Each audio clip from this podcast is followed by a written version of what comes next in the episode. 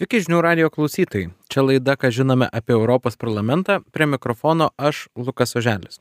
160 milijardų eurų tiek lėšų ES nori skirti strateginių technologijų Europai platformai. Tiesa, tokį lėšų kiekį bus norima gauti iš jau dabar egzistuojančių įvairių ES fondų.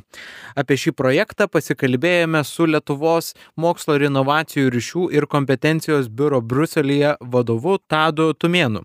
Jis papasakojo, kaip atsirado ši iniciatyva ir kokie yra jos tikslai. Tai būtent Europos komisija šių metų birželio mėnesį pristatė 21-27 metų ES daugiametės finansinės programos laikotarpio vidurio peržiūrą.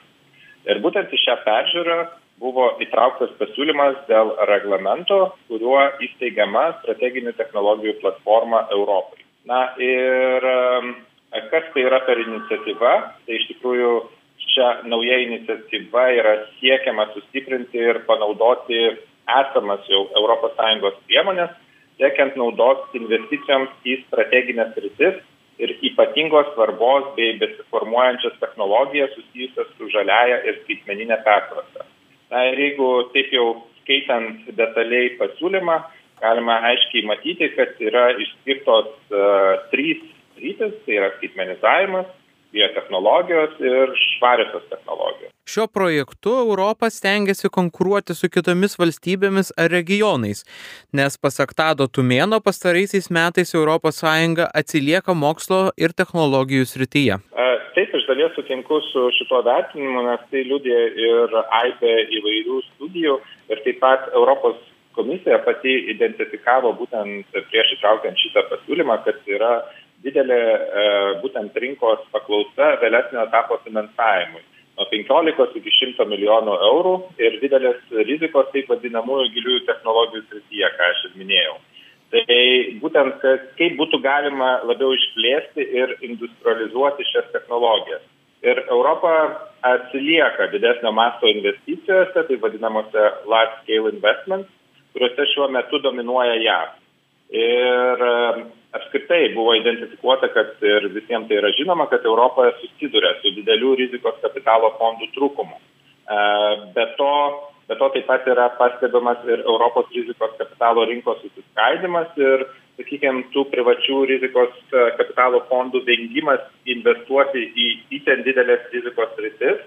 E, tai būtent neatsitiktinai biotehnologijos švariosios technologijos ir buvo išskirtos kaip, sakykime, ta tikslinė grupė, būtent į kurią yra orientuota šita nauja iniciatyva. Visgi dalies europarlamentarų nuomonė dabartinis projekto modelis nepakankamai ambicingas ir neleis užtikrinti ES autonomijos strateginėse sritise.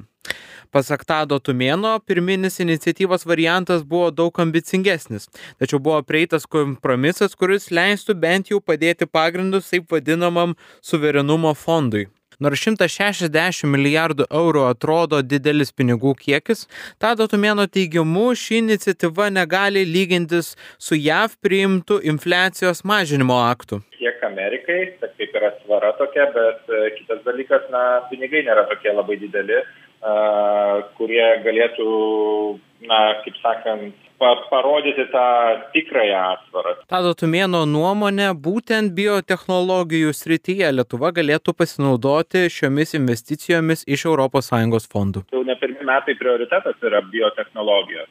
Ir turint omeny, kad būtent ši iniciatyva taip pat orientuojasi į biotehnologijas, tai manau, kad Lietuvos, sakykime, įmonės ir Lietuvos verslas a, tikrai turėtų galimybę dalyvauti šioje priemonėje. Tačiau vėlgi išlieka klausimas, koks bus a, galutinis pasiūlymas, kaip galutinai bus ta priemonė paleista ir kaip jinai veiks.